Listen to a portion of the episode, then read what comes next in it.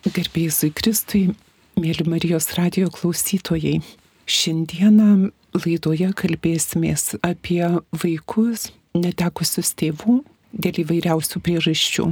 Ir apie tai, koks gyvenimas juos ištinka, kai jie pakliūva į vienokią ar kitokią globą.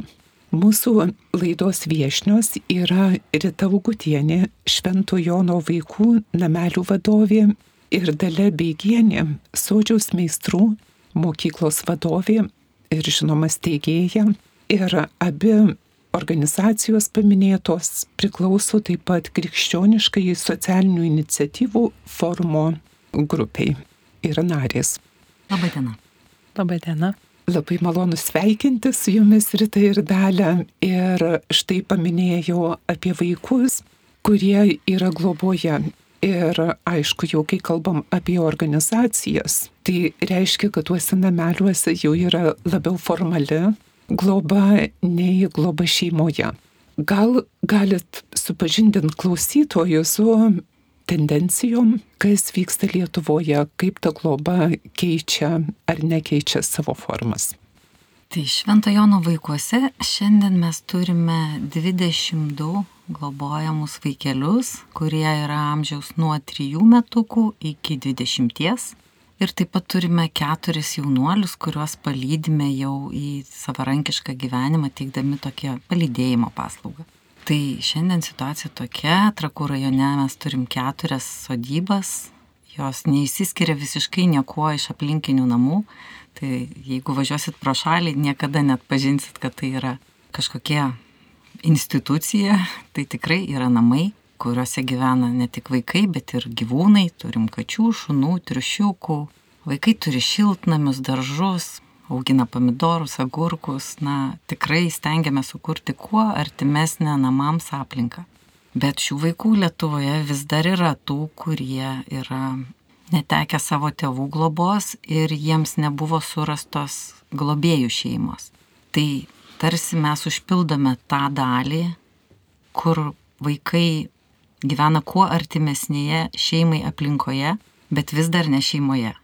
Tai mes irgi sakome, kad labai laukiame to laiko, kai visi vaikai gyvens šeimose ir mūsų darbo nebereikės, bet dėje vis dar šiandien mūsų veikla yra reikalinga. Ir maždaug kokie skaičiai būtų, bet šeimoje globos pokyčio iš institucinės globos?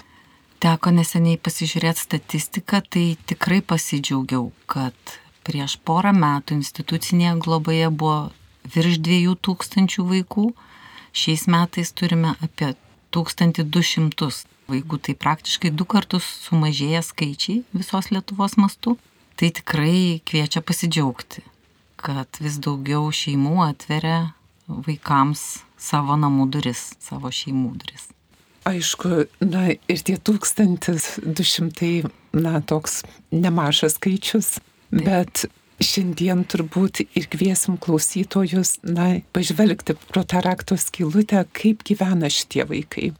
Tačiau prieš tai gal galėtume, na, kažkaip pasikalbėti ir apie istoriją, kaip gimė Šventojono vaikų namai ir sodžiaus meistrai yra tekę lankytis ir bendrauti tikrai nuo 20 metų. Tai toks jausmas, kad labai artima, bet vis tiek kokia ta istorija kelio pradžia. Gal dalė jūs ar Taip, gal pabandysiu trumpai pristatyti tą mūsų 20 su virš metų istoriją tikrai buvau ne nuo pat pradžių Šventojono vaikuose, bet viskas susidėliojo taip, kad Šventojono broliai gavo kvietimą iš kardinolo Audrio Jozo Bačkio ir 95-6 metais kažkur apytiksliai atsiliepti į poreikį pasirūpinti gatvės vaikais. Ir broliai nutarė, kad čia yra nepaprastas rytis ir kad visa tai, kas yra daroma Lietuvoje šiandien neveikia. Ir jie pasisėmė patirties misijose Filipinuose ir kitose šalyse.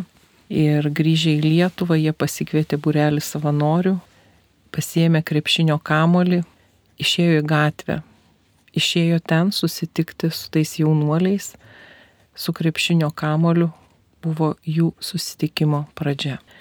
Ir visa veikla grįsta turbūt iki pat šiandienos ir su pasitikėjimu, per draugystę, per santyki. Pradėjo rutuliotis pirmieji žingsniai, kurie vėliau išaugo iki keturių atskirų sodybų. Ir tos keturios sodybos, kurias dabar vadinam nameliais Šventojono vaikų, gimė iš išsakyto vaikų poreikio, kad mes turim palikti Vilnių, jeigu mes norim keisti savo gyvenimą. Broliai atsiliepia į tai, iškart nustatydami tam tikras ribas, susitarimus su vaikais, nežiūrint jų amžiaus, bet susitarimai buvo nesvarbu, ar tu esi šešerių metų, ar tau aštuoni, ar tau keturiolika. Ir 99 metais jau nameliuose gyveno 27 berniukai. Viena iš sąlygų buvo lankyti mokyklą. Ir jaunuoliai buvo nelankę mokyklos kartais metus, kartais du ir jiem reikėjo grįžti klases. Ir kai jie sugrįžo į mokyklą, jiem buvo be galo sunku sėdėti su ženkliai jaunesniais ir sakė, mes norime įdirbti, mes nenorim mokytis, mums yra sunku. Ir taip natūraliai gimė poreikis ieškoti profesinės mokyklos, kuri būtų pritaikyta šitiem jaunuoliam ir jie galėtų gerai jaustis ir galėtų kažką išmokti. Deja, tokių mažų grupių jaunuoliams tokiems nebuvo, buvo didelės klasės ir pati turbūt didžiausia problema tuo metu buvo apie 2000 metus, kad jaunuoliai baigė profesinę mokyklą, negaudavo darbo. Tai broliai paraginti rėmėjų nutarė, kad e, reikia ieškoti alternatyvų ir steigti alternatyvę, kitokią, kokybišką mokyklą sunkumus patiriantiem jaunuoliam moksle ir kur vyrautų didesnis santykis praktinio darbo, o ne teorinių žinių. Tai čia į pagalbą buvo pasitelkta ir Lietuvoje jau kažkadaise egzistavusi pameistrystės tradicija iš prancūzų Compagnon de Devoir mokyklos asociacijos partnerių, kurie sutiko padėti savo turiniu, savo specialistais ir sutiko atvykti į Lietuvą pagelbėti, kuriant mokyklą. Taip 2002 metais buvo įsteigta matų mokykla su dešimčia vaikų ir ne tik iš vaikų globos namų, ne tik iš Šventojono vaikų, mokykla buvo atvira visiems, kurie norėjo mokytis kažko kito. Pirmoji profesija buvo dailydės, tai kad jeigu tu nori kažkokį įprotį pakeisti į gerą, tu jį keiti kažkokiu savo naujų įgūdžių, kompetenciją, kas tau padės atsiskleisti, pasitikėti savimi Ir tai pirmieji dešimt dailydžių paklojo tą pamatą, nuo kurio mes pradėjom kurti savo mokyklėlę. Tai ir šiandien visada norisi padėkoti tiem jaunuoliam, kurie patikėjo tą tokią avantūrą. Ir padėkoti įmonėm, kurios patikėjo tais jaunuoliais, nes jaunuoliai dvi savaitės dirbdavo įmonėje, kurioje mes prašydavom, kad jie tikrai dirbtų, o ne šluotų ir jiem ten būtų pasirašyta ir kad jie formuotų tas tikrasias darbinės savo vertybės ir mokytųsi kurti tą savo ateitį. Ir šiandien mokykla turi jau 60, apie 70 mokinių. Iš viso esam išleidę virš 200 absolventų, tai atrodytų galbūt nedaug kitų mokyklų masteliais, bet žiūrint į tai, kaip yra nepaprasta atliepti nepaprastų jaunų žmonių poreikius, Mums tai yra didžiulis laimėjimas ir turbūt padėka Dievui už tai, kad leidžia prisiliesti prie tų jaunų žmonių ateities pokyčio. Ir istoriją gal paminėti norisi dar tokį dalyką, kad iš buvusių mokinių jie tapo ir mokytojais, kurie savo žinias gražino kaip gautą skolą jaunai kartai, kas yra kompanionų tradicijoje, kad žinios yra skolinamos. Taip pat gal ir iš Švento Jono vaikų, kai mes perėjom iš brolių projekto į savarankišką įstaigą, vienas iš buvusių auklėtinių patapo dalininku ir steigėjų ir lydi iki šiandien ir yra pagrindinis patarėjas. Ir baigęs amatų mokyklą egzaminuoja jaunuosius mūsų dailydės. Tai taip viltingai tiesiog gal užbaigsiu šią mūsų istoriją. Nuostabu.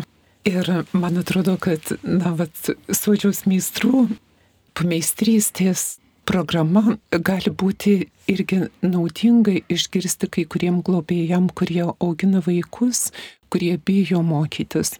Ir um, savivertė turbūt daug dalykų, kurių negali šiaip savo gyvenime atrasti paprastoj mokykloje. Tai net ir, kaip sakėt, profesiniai, nes neužtenka vien tik tai mokyti profesijos. Būtinas santykis, būtinas pamatas, kuris labai jautrus. Tai turbūt reikėtų prisiminti tuos momentus dar, kai mokiniai ateidavo tiesiogiai į mokyklą priduoti dokumentų Ir jie už nugaros vis tada slėpdavo tą savo mokyklos baigimo testatą kaip kažkokią didžiulę savo kaltę ar gyvenimo gėdą. Ir tada aš sakydavau, kad manęs nedomina tas tavo dokumentas, nes aš esu dėkinga, kad tu atėjai čia ir noriu išgirsti tavo norus ir poreikius ir va, kas tavęs laukia, ko tu tikiesi ir kuo mokykla mes galim būti naudingi tau. Ir svarbiausia, turbūt reikia pabrėžti, kad mes vienintelė mokykla profesinė, kuri neturi bendrojo ugdymo. Mes mokom tik profesijos, tai būtent, kad per profesiją, per tą rankų išminti žmogus atgautų savo pasitikėjimą. Ir didžiausias džiaugsmas yra matyti tuos vaikus, kurie atneša savo pirmąjį patiekalą, pagamintą savo rankomis, su didžiulė šypsena veide, kad jisai gali ar padarytą pirmąjį suoliuką, pirmąją įrankių dėžę, kad e, aš galiu. Ir dažnai klausia tėvai, o tamo tai jūs pažymių nerašote. Nu, mes parašom pažymius savaitėj kartą, ar ne, bet esmė yra išmokti padaryti, nesmė yra pažymyje. Tai turbūt tie svarbiausi dalykai, kurie gali padėti jaunam žmogui atsitiesti ir patikėti savo galimybėmis ir įgyti daugiau savivertės. Tai jūs atskleidžiate tokį tą vidinį vaiko talentą. Kaip Taip. sakėt, rankų išmintį pažadinat. Taip, bandom. Ačiū, gerai girdėt. Ir Rita, o kaip su namelių istorija? Iš to, ką dalė papasakojo, kur einate toliau? Tai turbūt mes su savo vaikais tiesiog gyvename ir auginame tuos vaikus ir tikimės užauginti juos atsakingus, jautrius ir prisitaikiusius kažkaip gyventi, nes tikrai vaikai mūsų ateina į mūsų namelius gyventi iš pačių įvairiausių sąlygų, iš pačių sudėtingiausių. Ir tikrai esam visai nesenai turėję vaikus, mažučius vaikelius, kurie atėjo neturėdami saiko jausmo. Tada tas mums parodė, kad iš tikrųjų vaikai yra šiais laikais patyrę badą nes vaikai valgydavo ir negalėdavo sustoti, kol pasidarydavo blogą ir tada vėl valgydavo. Iš pradžių nesupratom, iš kur tai, po to truputėlį auginom, raminom, šiandien turim tikrai pasikeitusią situaciją po dviejų metų ir suprantam, kad vaikai pagaliau bent jau tuos savo poreikius pirminius patenkinę gali judėti toliau. Tikrai tie vaikai, kurie ateina pas mus, nėra paprasti. Aš sakau, jie yra stebuklingi visi dovanos. Tikrai, tikrai dovanos ir pamokos, iš kurių mokomės labai labai daug ir mes visi suaugę esatys aplinkui. Tai mums labai gerai būti šalia mokyklos, būti glaudžiam ryšy su sodžios meistrais, nes taip ir mūsų vaikai eina mokytis į sodžios meistrus. Žinoma, tik tai tie, kurie nori. Neverčiam ir tikrai renkasi įvairius kelius ir galim pasidžiaugti, mokosi ir kolegijose, ir Kaune, ir Vilniuje, ir įstoja, ir tikrai daug gražių istorijų, bet yra vaikų, kurie su sudėtingesnėm situacijom, su mažiau gabumų. Arba kitokiais arba gabumais. Kitokiais gabumais, unikaliais gabumais atsiskleidžia amatų mokykloje sodžios meistrai. Ir labai noriu įsiterpti, nes man primena Amerikos prestižinių gimnazijų programas ir gal neminėsiu kokios konkrečiai, bet mes Lietuvoje taip pat turim ir jie savo gimnazijoje turi dvi programas. Viena tiem, kurie intelektą, racionalų įmastymą labai stiprų ir pamatą tiesiog tam turi ir visus duomenis. Ir tada kiti vaikai, kurių praktinis intelektas labiau skleidžiasi. Ir ką daro gimnazija? Atpažįsta kiekvieno vaiko gabumus ir pagal tai orientuoja ir tie, kurie turi praktinį intelektą, jie supažindinami su įvairiausiom rankų darbo profesijom. Ir gimnaziją sėkmingai baigia ir vieni, ir kiti. Ir vieni nueina į universitetus ir jų karjera eina nuo tą intelektinę linkmę, o antrųjų sėkmingai randa darbus kito tipo, kaip sakėt, rankų išminties srity kažkaip nuostabu, kad visiškai turbūt Lietuvoje tokio atitikmens, kad būtų šalia ir gyvenimas, ir mokyklėlė, kuri atliepia vaiko poreikį. Ir nu, labai girdėjau iš to, ką Dalė sakė, kad ne tiek žinių įvertinimas ar ne, tų teorinių žinių, kas, man atrodo, buvo didžiulis atotrukis Lietuvoje sovietmečiu, bet atvirkščiai santykio ir iš santykio gimstančio darbo rezultato ar ne to praktinio produkto. Taip, tai tokia mintis vienas sugrįžo prieš porą metų, vienas mokinys pirmą rugsėjo, mes tik liekė bendrabutį, jie apsistojo, pas mus bendrabutis įrengtas labai dailiai, šio laikiškai ir daug kas stebisi kodėl.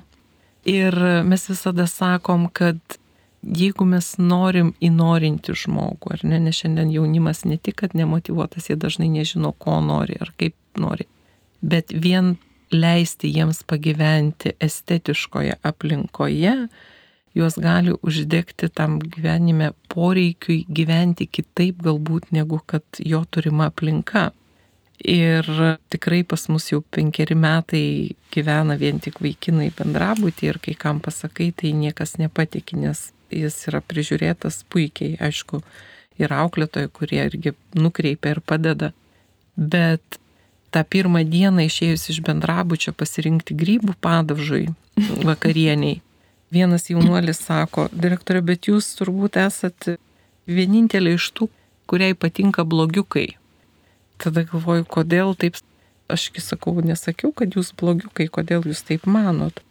Tai čia tie visi, taigi mums taip sakė bet jūs iš esmės tai nesat blogi, bet jie jau ateina patys užsiklyjavę tas etiketės kartais, kurias mūsų mokyklos ir tas pats turbūt ir Šventojono vaikuose yra misija jas greuti tuos mitus ir priimti ir džiaugtis tais mažais mini stebuklais pasiekimais ir priimti jį čia ir dabar kaip tą baltą popieriaus lapą, nubraukiant tą jo praeitį ar ne, ir viską telkti, vat, pasižiūrėk, kaip tau pavyko, pasižiūrėk, tu pagaminai, kaip tu jautiesi, kai tu darai vieną patiekalą ar kitą. Ir tas jau yra puiku, gal vat, ir ryte gali, nežinau, kažką pridurti truputėlį Aha. iš pavyzdžių. Labai norėčiau irgi pasakyti, kad kaip ta estetiška ir draugiška aplinka keičia žmonės. Mūsų nameliuose Vienoje sodyboje turėjom tokį iššūkį. Vaikų kambariai yra antram aukšte, pirmas aukštas tarsi visada tvarkoje, viskas, viskas tvarkomasi. Na ir niekaip tą antram aukšte į tuos tvarkas kambariuose nu, nusiaubingai buvo sudėtinga įeiti. Ir tada sugalvojom išeiti. Daro berniukai kartu su kvedžiais patys remontus savo kambario ir įsirenginėja va taip sienas tokios spalvos, kokios nori, fototapetą tokį, kokį jisai nori, klyjuojasi. Ir žinokit, mes išsprendėm šitą problemą. Kambariai praktiškai yra visada tvarkingi. Na, tikrai tokie berniukiški apjaukti, bet tai yra normalu, bet nebėra to noro tarsi tą sieną, kurią tu pats nudažiai, kurios spalvai įsirinkai, jos išpašyti nebesinori.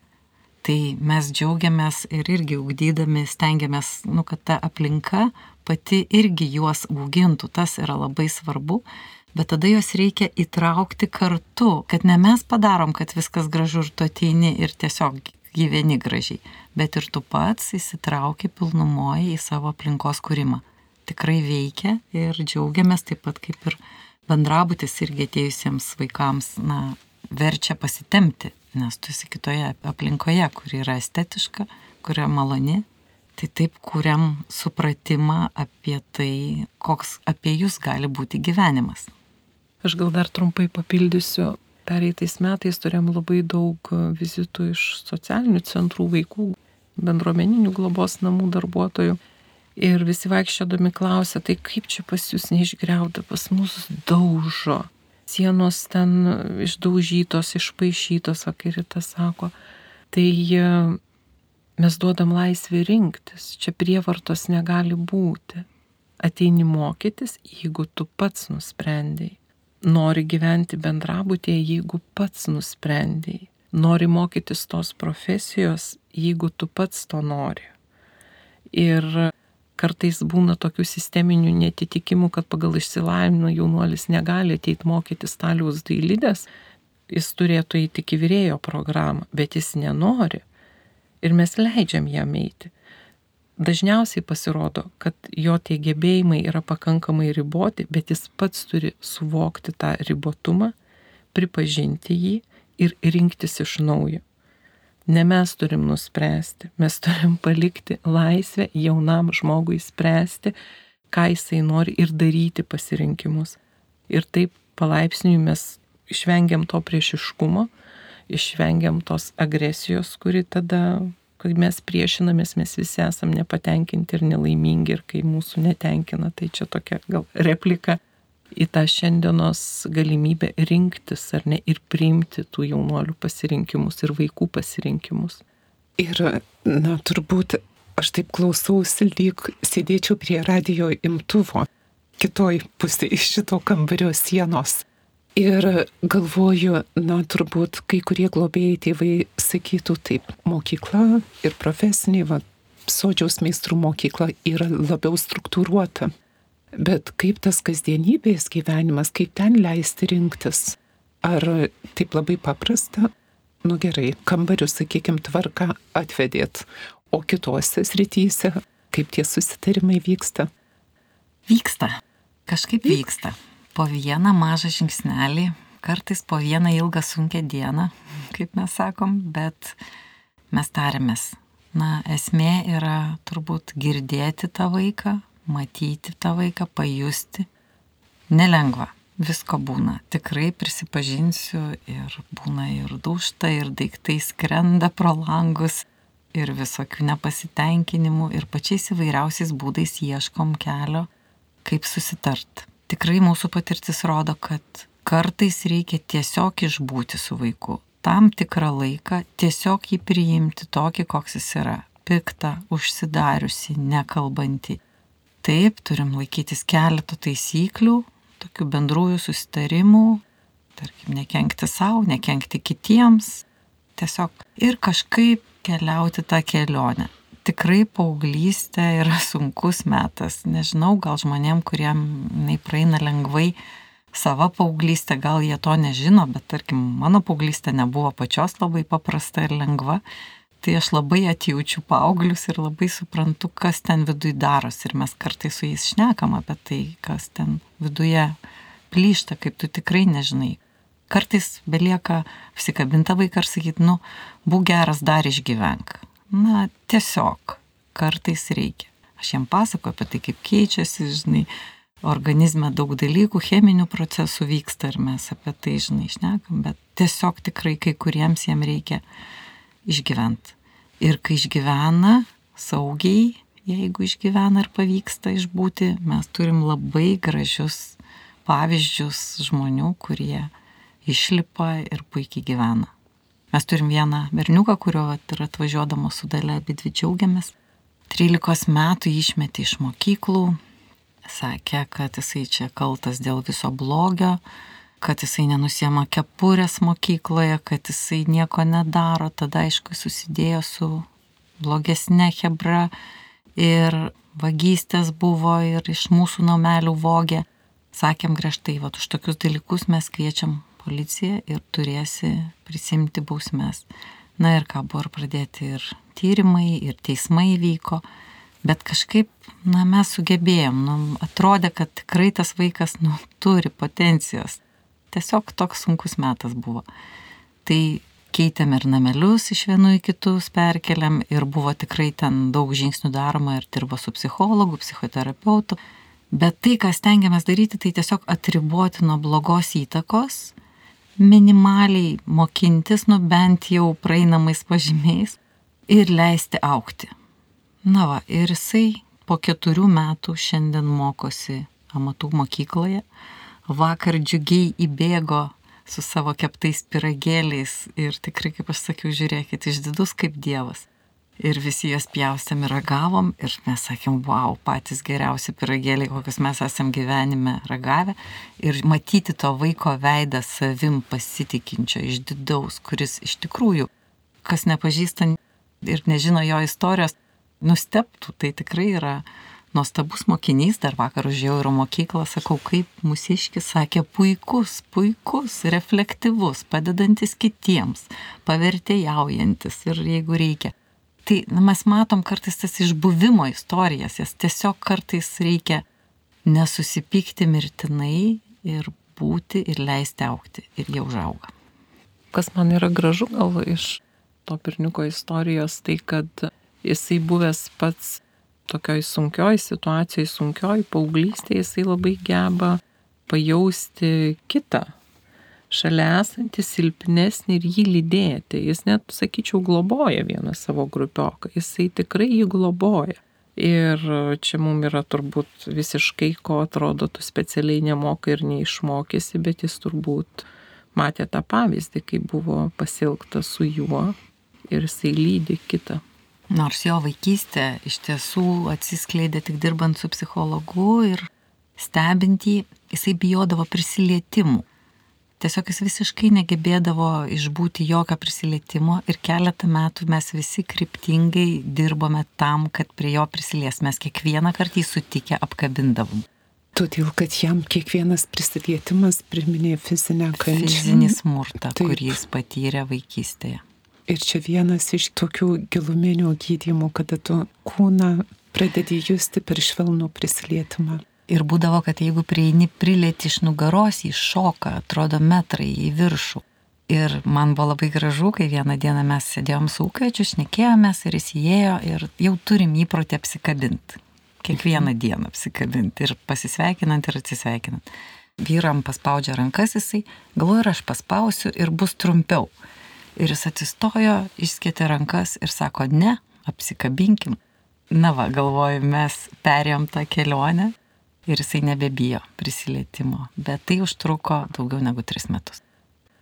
Ir vis tiek labai daug vilties ir džiugios vilties, kad galima.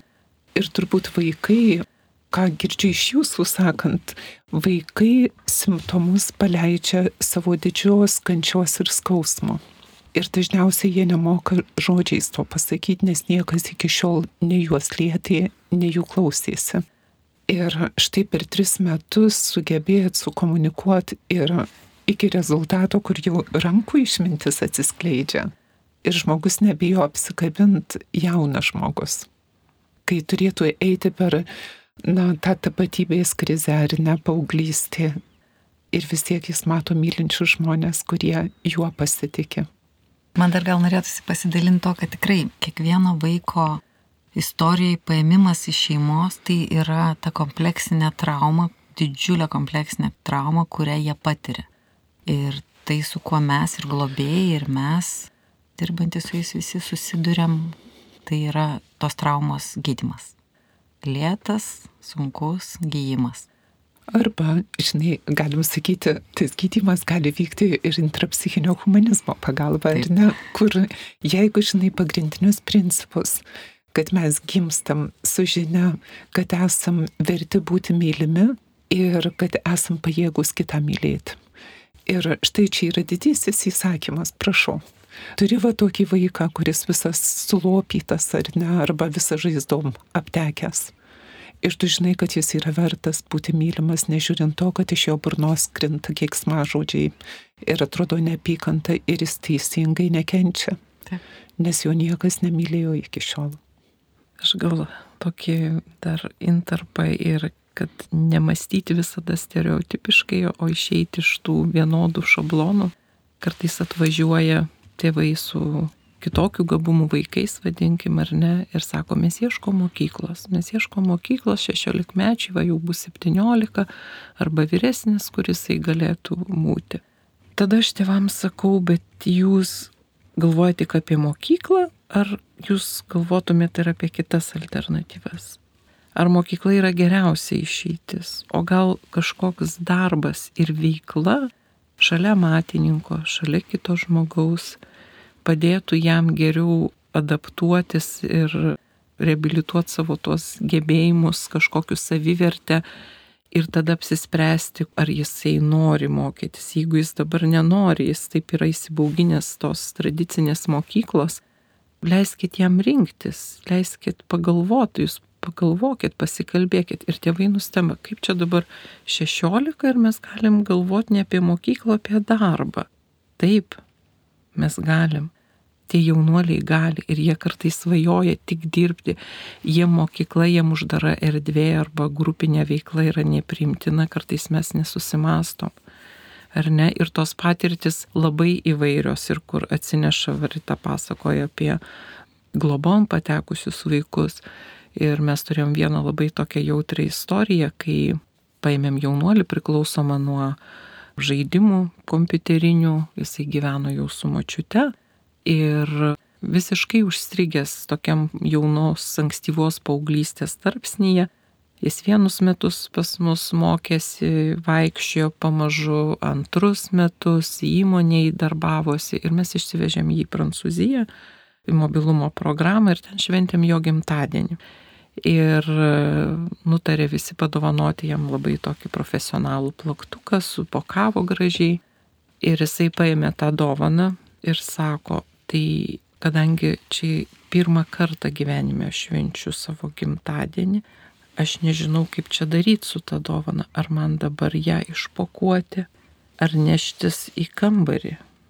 Ir mums tada visiems vyko suvokimas, kad mes sudalyvavome 18-mečio pirmame gimtadienyje, ar ne? Bet jis grįžęs iš to mobilumo pirmojo, jisai pardavė savo kompiuterį ir nusipirko lagaminą. Šiandien jisai dirba baldų įmonėje, jisai buvo mokytojo asistentų pas mus, taip jisai ilgiau, bet niekas nerašo vadovėlių, kaip būti nuostabiais tėvais, ar ne?